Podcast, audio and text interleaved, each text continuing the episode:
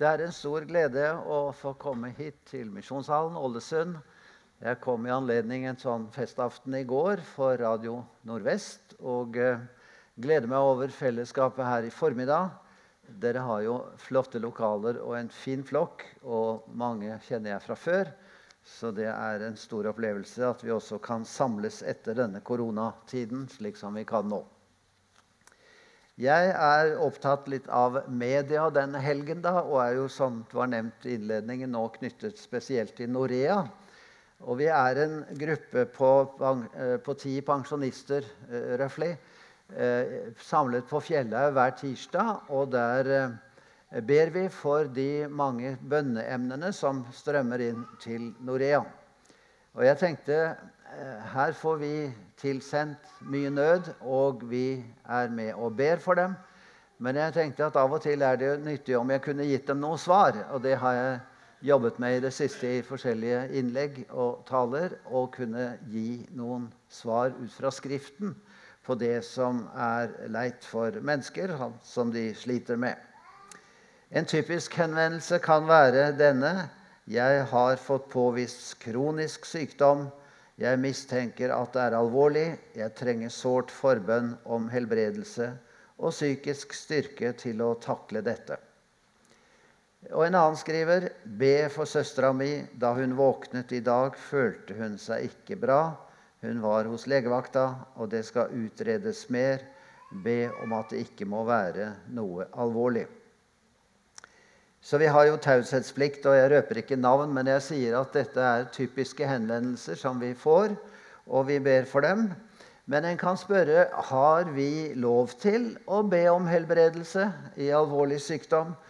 Og vil Gud virkelig høre når vi ber? Eh, det er ikke mange som eh, er veldig overbevist om det. De sier at nei, sykdom eh, og detaljer sånn bryr ikke Gud seg om. Han har de store linjer, men han griper ikke inn i enkeltmenneskers liv. Men det er feil. Han kan snu på tingene. Og bare i det siste har vi fått til denne gruppa vår meldinger om f.eks. en ung jente på 17 år som fikk en veldig spesiell virkning av den koronasykdommen. og og fikk hjerteskader. Og de tenkte å sette inn kunstig hjerte på henne eller et eller annet. Og så var det mange som ba, og plutselig en natt så ble hun altså rett og slett frisk. Og legene skjønte ingenting. At det kunne bli en så rask vending. Og et annet sånt tilfelle Jeg skal ikke gå i detaljer, men vi har fått noen sånne oppmuntringer i det siste. Men altså har vi lov å be om helbredelse vil Gud svare, vil han gjøre under også i dag. Og vi mennesker har begrenset innsikt, men vi kan jo gå til Skriften. Og samtidig kan vi lære av det som skjer med mennesker rundt omkring. Jeg kan fortelle en historie. Jeg har jo vært litt rundt som predikant og var på en sånn møteserie et sted i Trøndelag. Eh, hvor vi ble bedt om, en liten gruppe, å samle oss i bønn for en mann som var der. Og vi salvet han i Jesu navn og ba, som det står i eh, Jakobs brev, 5. kapittel, at man skal gjøre. Han var alvorlig kreftsyk og så ikke noe særlig frisk ut heller. Og vi ba for han og salvet han. Og så fortalte de da eh, ganske snart etterpå, en sånn måned eller to, han var blitt frisk. Så de mente det var et bønnesvar. Så hadde jeg litt kontakt med de folka der oppe etter to-tre år. Og så spurte jeg hvordan det gikk med han som vi ba for. Nei, nå var han død. Så han hadde vendt hjem til Jesus, men han hadde fått noen rike år ekstra. Og det er jo det som skjer, at når vi lever i denne verden, så er det én ting som er ganske sikkert, at vi har en begrenset levetid. Gud vet dagen da vi skal flytte. Men det er det bare han som vet, og vi kan gjette og tro at sånn og sånn går det. Og vi kan be, og vi vet ikke Herrens ledelse i alle ting. Men det å få en, et ekstra levetid, det har vi noen eksempler på i Bibelen. Og det er jo det jeg har lyst til å snakke om nå, og gå litt inn på en hendelse som det er fortalt om i Johannes evangeliets 11. kapittel. Og det er jo en av de tekstene som leder fram mot påsken, så det passer godt å ta den fram, selv om jeg da ikke taler over søndagens tekst, men en annen av disse tekstene fram mot palmesøndag. Så vi får lys fra Bibelen eh, til, over dette spørsmålet nytter det å be for syke. Uh, har det noen hensikt?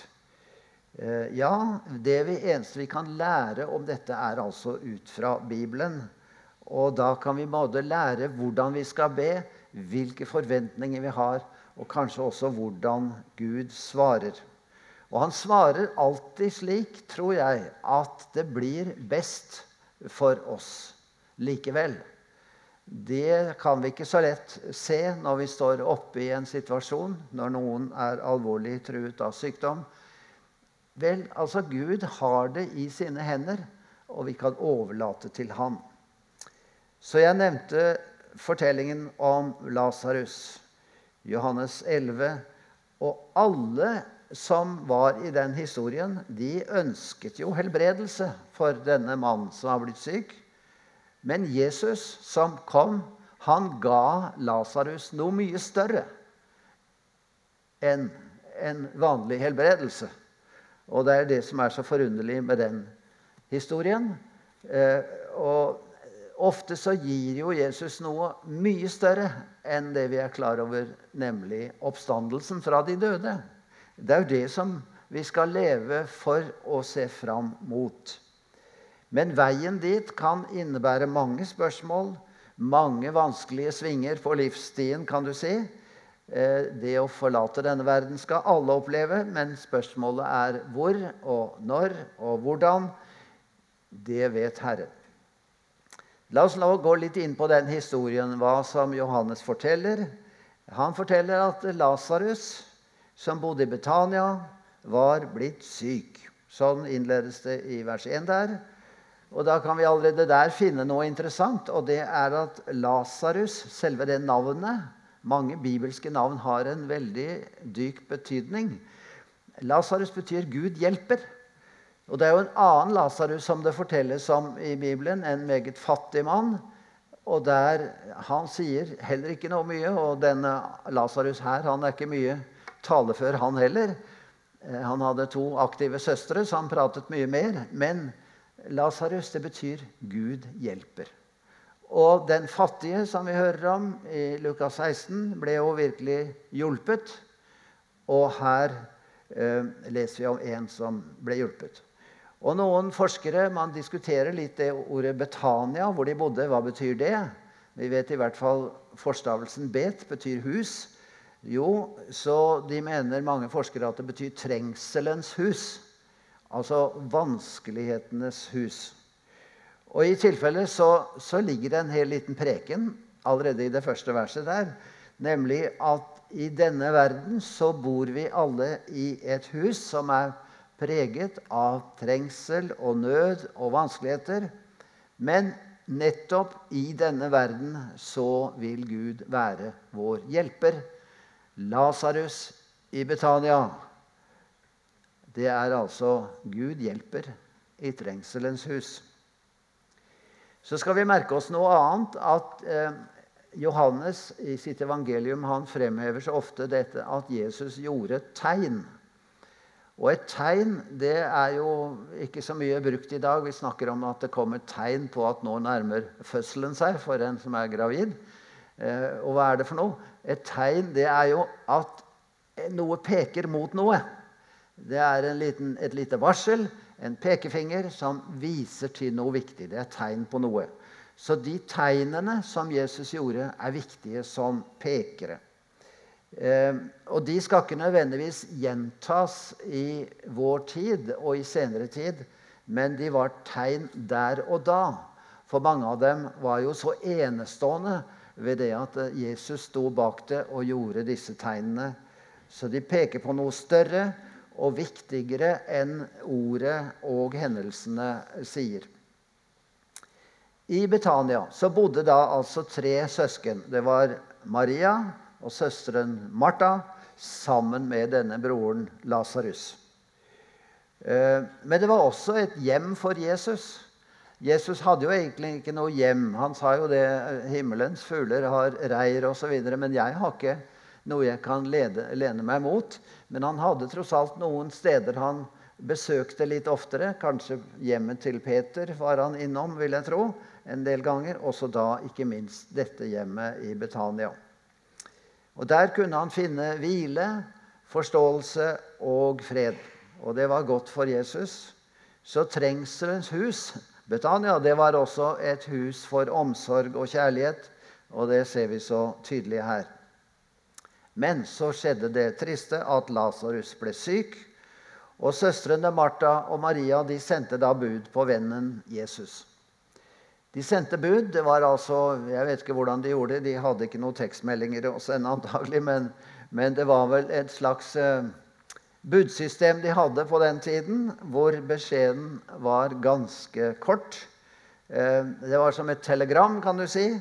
'Han som du er så glad i, er syk.' Eller 'Han som du elsker', står det i en annen oversettelse, er syk. Så det som da er lærerikt allerede, det er den bønnen som du her får for en som er syk. Hvordan er den formet, og hvordan er den ikke formet? For Lasarus, som du er glad i, er syk. Ja vel. Men de kunne ha sagt noe mer. De kunne sagt f.eks.: 'Nå må du skynde deg å komme hjem hit fort.' Nei, de bare kom med et faktum, Lasarus, som du er glad i Jesus. Han er syk. Og de tenkte vel som så at eh, Jesus kunne ikke både elske Jesus og samtidig svikte ham. Nei, eh, Jesus kunne ikke elske Lasarus og samtidig svikte ham. Det var liksom helt utenkelig for dem. Så det var nok å sende telegrammet 'Han er syk'. Så da kommer du vel. Så kunne vi også tenkt oss at denne bønnen som de da bar for broren sin, den kunne lyde slik Lasarus, han er jo så veldig glad i deg. Så da må du komme til han.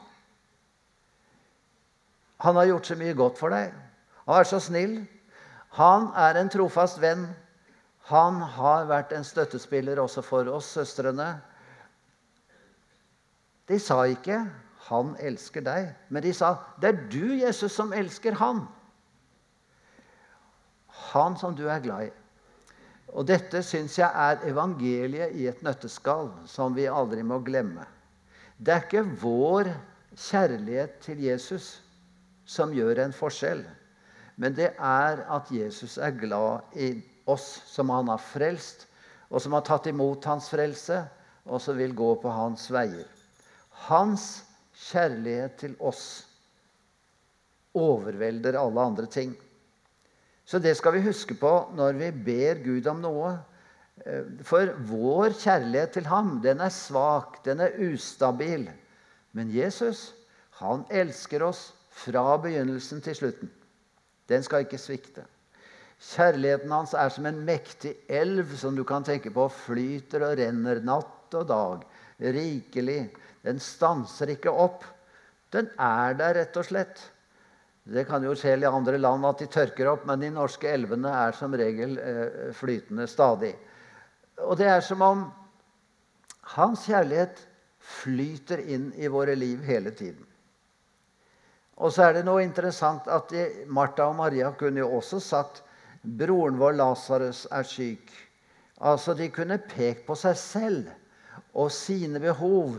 Vi trenger jo Lasarus som en støttespiller i vårt hjem. Antagelig var de ugift alle tre.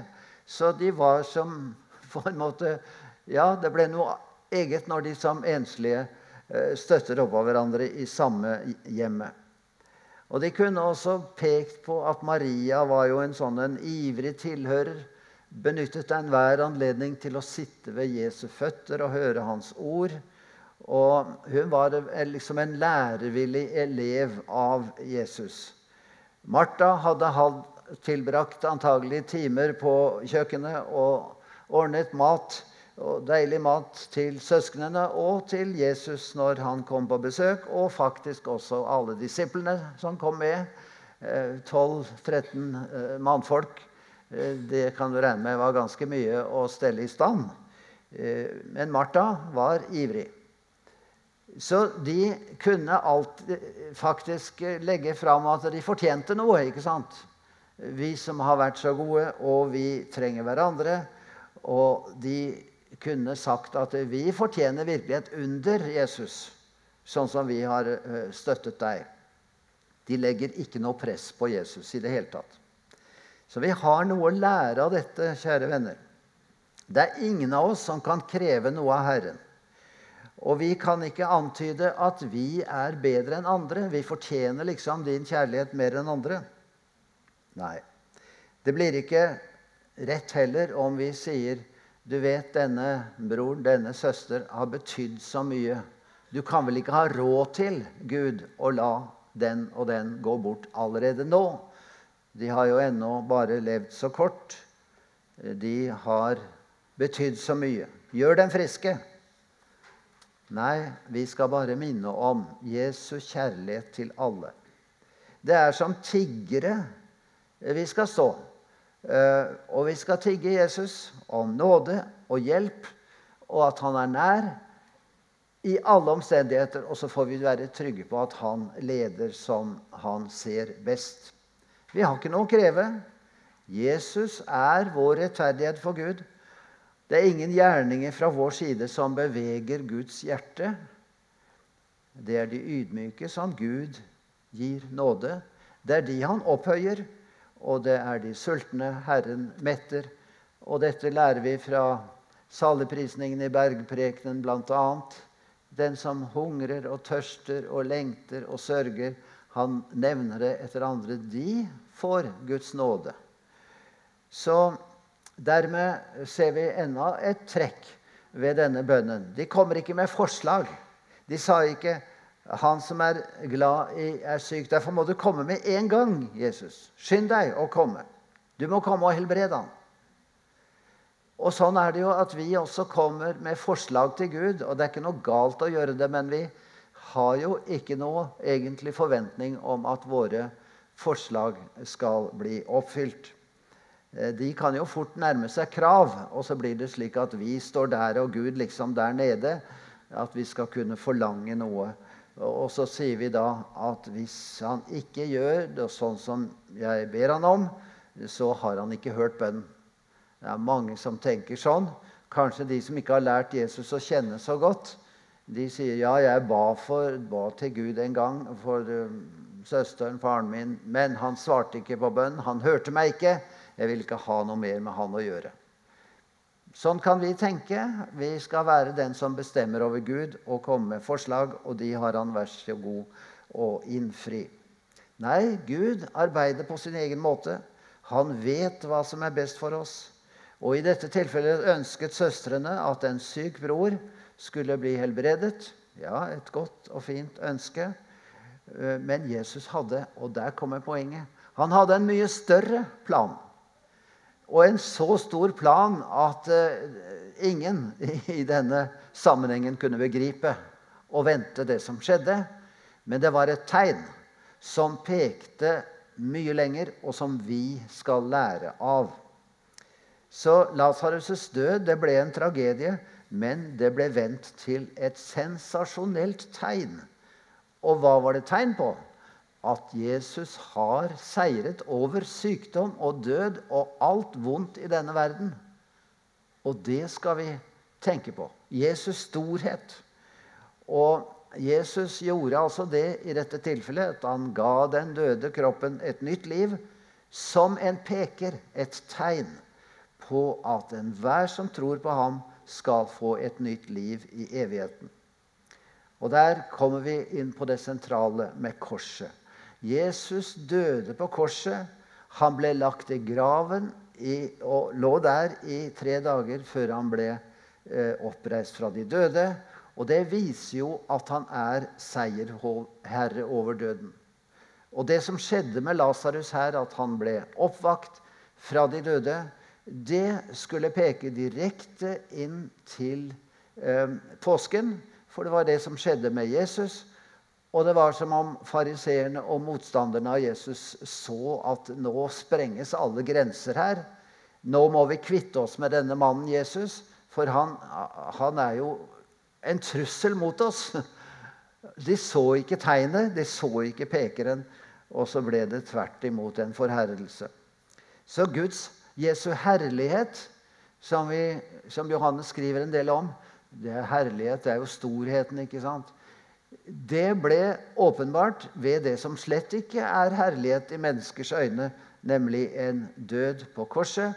Men Johannes sier at eh, hans herlighet var at han ble løftet opp på korset til en frelser for oss. Og hans oppstandelse betyr jo også en opphøyelse, at han ble løftet opp til et nytt liv. Det er enda et spesielt trekk ved fortellingen om Lasarus som jeg vil peke på. Og det var at da Jesus fikk høre om eh, vennen eh, som var blitt syk, så utsatte han noen dager med å komme. Og hvorfor slapp han ikke alt han hadde i hendene, og skyndte seg av sted for å helbrede Lasarus? Ja, vi skjønner ikke helt. Det er som om eh, fortelleren Johannes han kommer oss litt i møte eh, ja, når vi stiller det spørsmålet. Hvorfor kom ikke Jesus med en gang? Så sier Johannes Han bekrefter liksom eh, Det står sånn at Jesus var glad i Martha og hennes søster og Lasarus. Så Jesus var virkelig glad i dem, selv om han utsatte å komme. Med andre ord, Jesus var ikke likegyldig. Han somlet ikke. Men for Jesus var det spørsmål om å handle i Guds time og på Guds måte. Eh, det var spørsmål om timing, som vi sier i dag på sånn engelsk-norsk. Rette tid. I tidens fylde sendte Gud sin egen sønn, står det. Eh, det skriver Paulus om. Og tiden er kommet. Guds rike er nær, forkynte Jesus. Og til eh, Maria, altså mor til Jesus, så sa jo Jesus en gang, og det var dette bryllupsunderet i Kana, hvor Jesus sa eh, Min time er ennå ikke kommet. Og noen sier det var en avvisning av Maria. Nei, det var ikke det. Det var bare en sånn eh, konstatering som sier nå skal du se noe stort, Maria. Nå, nå, skal du bare vente litt. Og så gikk Maria bort til tjeneren og sa akkurat det som Jesus sier, det skal dere gjøre. Så hun ventet at noe skulle skje pga. det Jesus sa. Min time er ikke ennå kommet, men vent litt, skal du se. Så jeg tenker meg at da Jesus brukte litt tid før han kom til Lasarus' grav, da, eh, det var at han brukte tiden til å be. Ikke at Lasarus skulle bli oppvakt av de døde, for det visste han. Men kanskje det at alt måtte skje i samsvar med Guds vilje, Guds timing. Han skulle tenke ut fra og med tålmodig vente på at Guds time kom der. Og Det skal også vi lære av at hvis vi vandrer i dagen og i lyset, så skjønner vi at det er ikke tid for alt bestandig. Eh, og det gjelder å be om at vi er i Guds tid og time. Én gang, dag om gangen. Det er alt vi har fått, og det er alt vi trenger. Å leve én dag om gangen. Og så sier Jesus, 'Jeg er lyset. Følg meg. Stol på meg. Du skal få se min herlighet.' Så sa Jesus, 'Vår venn Lasarus er sovnet, og jeg går for å vekke ham.' Jeg har skjønt det, Her er jo leger og sykepleiere i denne forsamlingen. og Man tenker vel ofte sånn at hvis det er blitt en rolig, fin søvn, ja, da er man over en krise i sykdommen. Og kanskje de oppfattet det slik når Jesus sa 'Lasarus er sovnet'. Nå går jeg for å vekke ham. De oppfattet det slik at nå var krisen over. Nå var det ikke så farlig lenger. Han ville snart bli frisk igjen. Men Jesus måtte bekrefte at her betyr det noe annet. Han er død. Han er gått bort. Og da trodde disiplene og andre at nå kunne ikke gjøres noe mer. Jesus kom for sent. Han hadde sviktet. Han hadde ikke hørt bønnen. Han var ikke nok opptatt av Lasarus sin ve og vel. For disiplene hadde jo nylig sett at eh, personer som var døde, var blitt vakt opp av Jesus. Eh, og det var både en ung jente ikke sant, som var Piken er ikke død, hun sover, sa Jesus. Og de lo av Jesus, som kunne si det. Hun er jo virkelig død. Nei da. Ble, hun ble vekket opp. Og her hadde jo Lasarus til og med vært død i fire dager. Så søstrene var fulle av sorg. Både at Lasarus var død, men også at Jesus liksom hadde sviktet dem og ikke kommet. Så Martha kom Jesus i møte og sa, 'Herre, hadde du vært her, så var ikke broren min død.' Med andre ord, det lå både skuffelse og anklage i de ordene, men så svarer Jesus, 'Din bror skal stå opp.' Og så kommer han med de sterke ordene, 'Jeg er oppstandelsen og livet. Den som tror på meg, skal leve om han enn dør. Og hver den som lever og tror på meg, skal aldri i evighet dø. Tror du dette? Dette er jo et av de merkelige og sterke ordene som du finner ofte i Johannes evangeliet. 'Jeg er'. Jesus sa det, og da klinger det, ikke minst på hebraisk, noe av gudsnavnet Yahweh, i det der.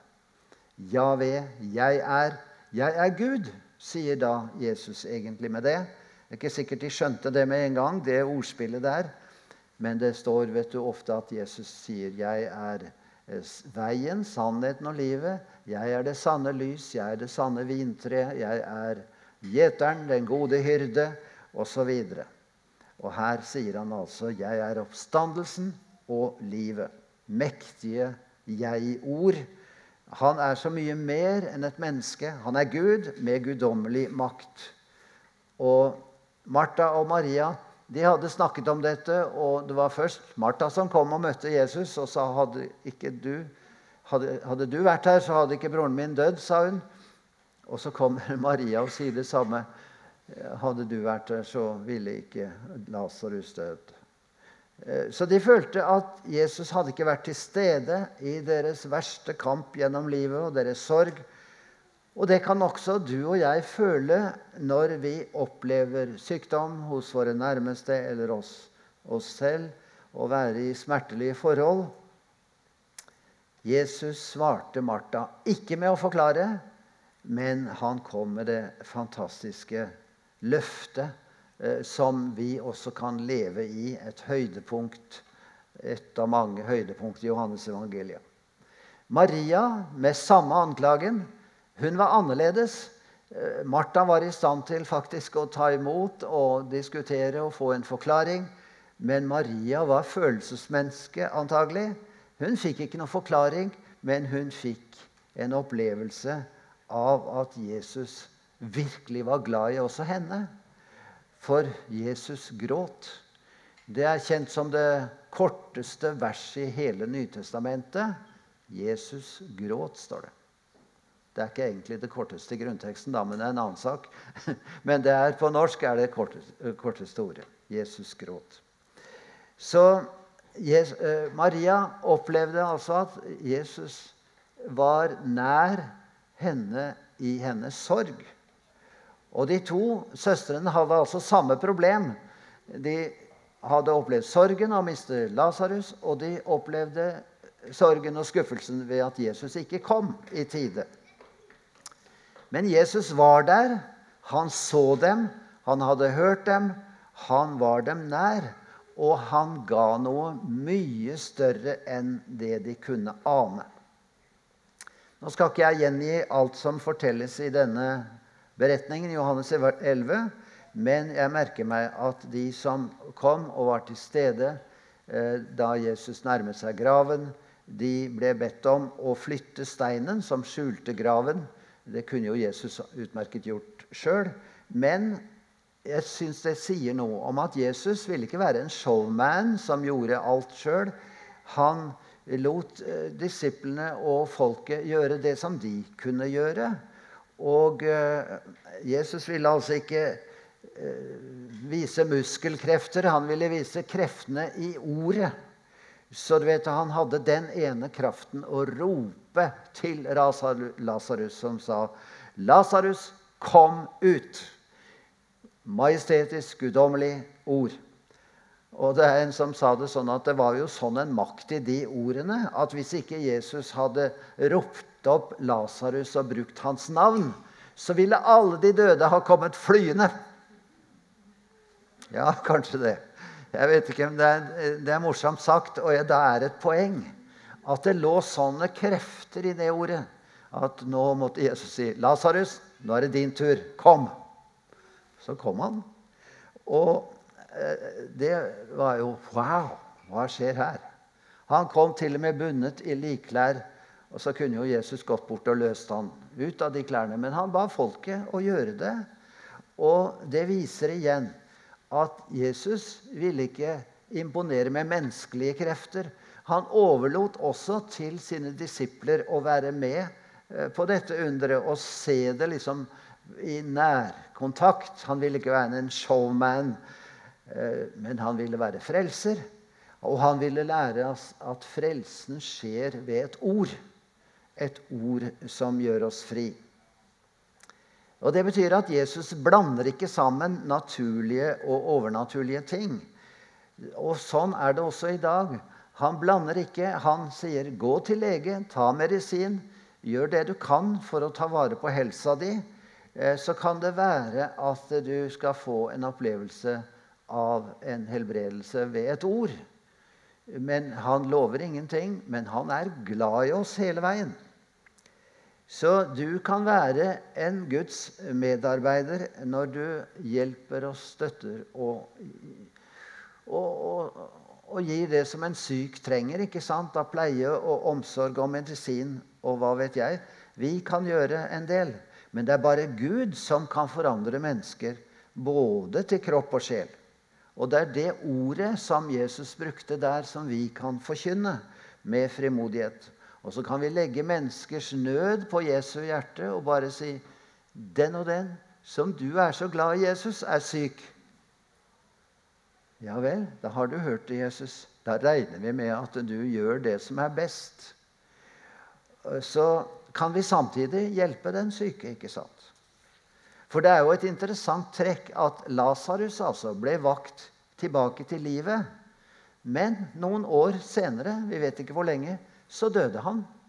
Det påstås i hvert fall at han er begravet på Kypros, i en by som heter Larnaka. Jeg tror jeg har vært der faktisk og sett denne graven. Og det viser jo at minnet om han lever. Da var han en vanlig person som døde på en vanlig måte. Så jeg sier igjen oppvekkelsen var et tegn, en peker, på Jesus og hans ord. Og det peker på at alle som følger Jesus, skal oppleve oppstandelsen. Og det opplevde også Lasarus dobbelt. Først av sykdommen men, og døden, men så etter at han ble begravet som alle andre. Så jeg syns det er så fint å ta dette perspektivet når vi ber for de syke. Og det skal vi gjøre som Bibelen sier. I sykdom og nød skal vi legge på Herren det som ligger oss på hjertet. Men så skal vi også tenke på at all helbredelse i denne verden er midlertidig. Det kan være at man får noen ekstra dager, år. Jeg vet ikke. Noen har opplevd det å være alvorlig syk og kanskje levd i både 10 og 20 år etter. Vi vet ikke annet enn at den endelige helbredelsen, den får vi i og med det evige livet sammen med Jesus. Så det var det jeg hadde lyst til å si i formiddag. Kjære venn som sliter med sykdom, enten hos deg selv eller din nærmeste. Du skal tenke på Jesus. Være opptatt av han. Se hvor god og kjærlig han er. Han er glad i deg. Det er ikke så viktig om du klarer å elske han nok. Vi skal selvsagt være glad i Jesus, men vi vet hvor stykkevis og delt og lite trofaste vi er. Han elsker deg. Du kan ønske deg så mange ting, og det kan vi alle gjøre, men Jesus gjør hele tiden det som er best for oss. Om vi ikke kan se det der og da, så skal vi klynge oss til det ordet 'Jeg er oppstandelsen og livet', sier han. Og så kan vi overgi livet vårt med tillit til Han, og så får vi del i det livet som aldri tar slutt noen gang. Kjære Jesus, vi takker deg for ditt ord. Vi takker deg for dine løfter. Takk for at du er oppstandelsen og livet. La oss ha det perspektivet og det ordet for oss når vi møter anfektende situasjoner hos oss selv og andre, med sykdom og nød. Herre, vi legger oss i dine hender og takker for at vi får gjøre det igjen og igjen. Amen.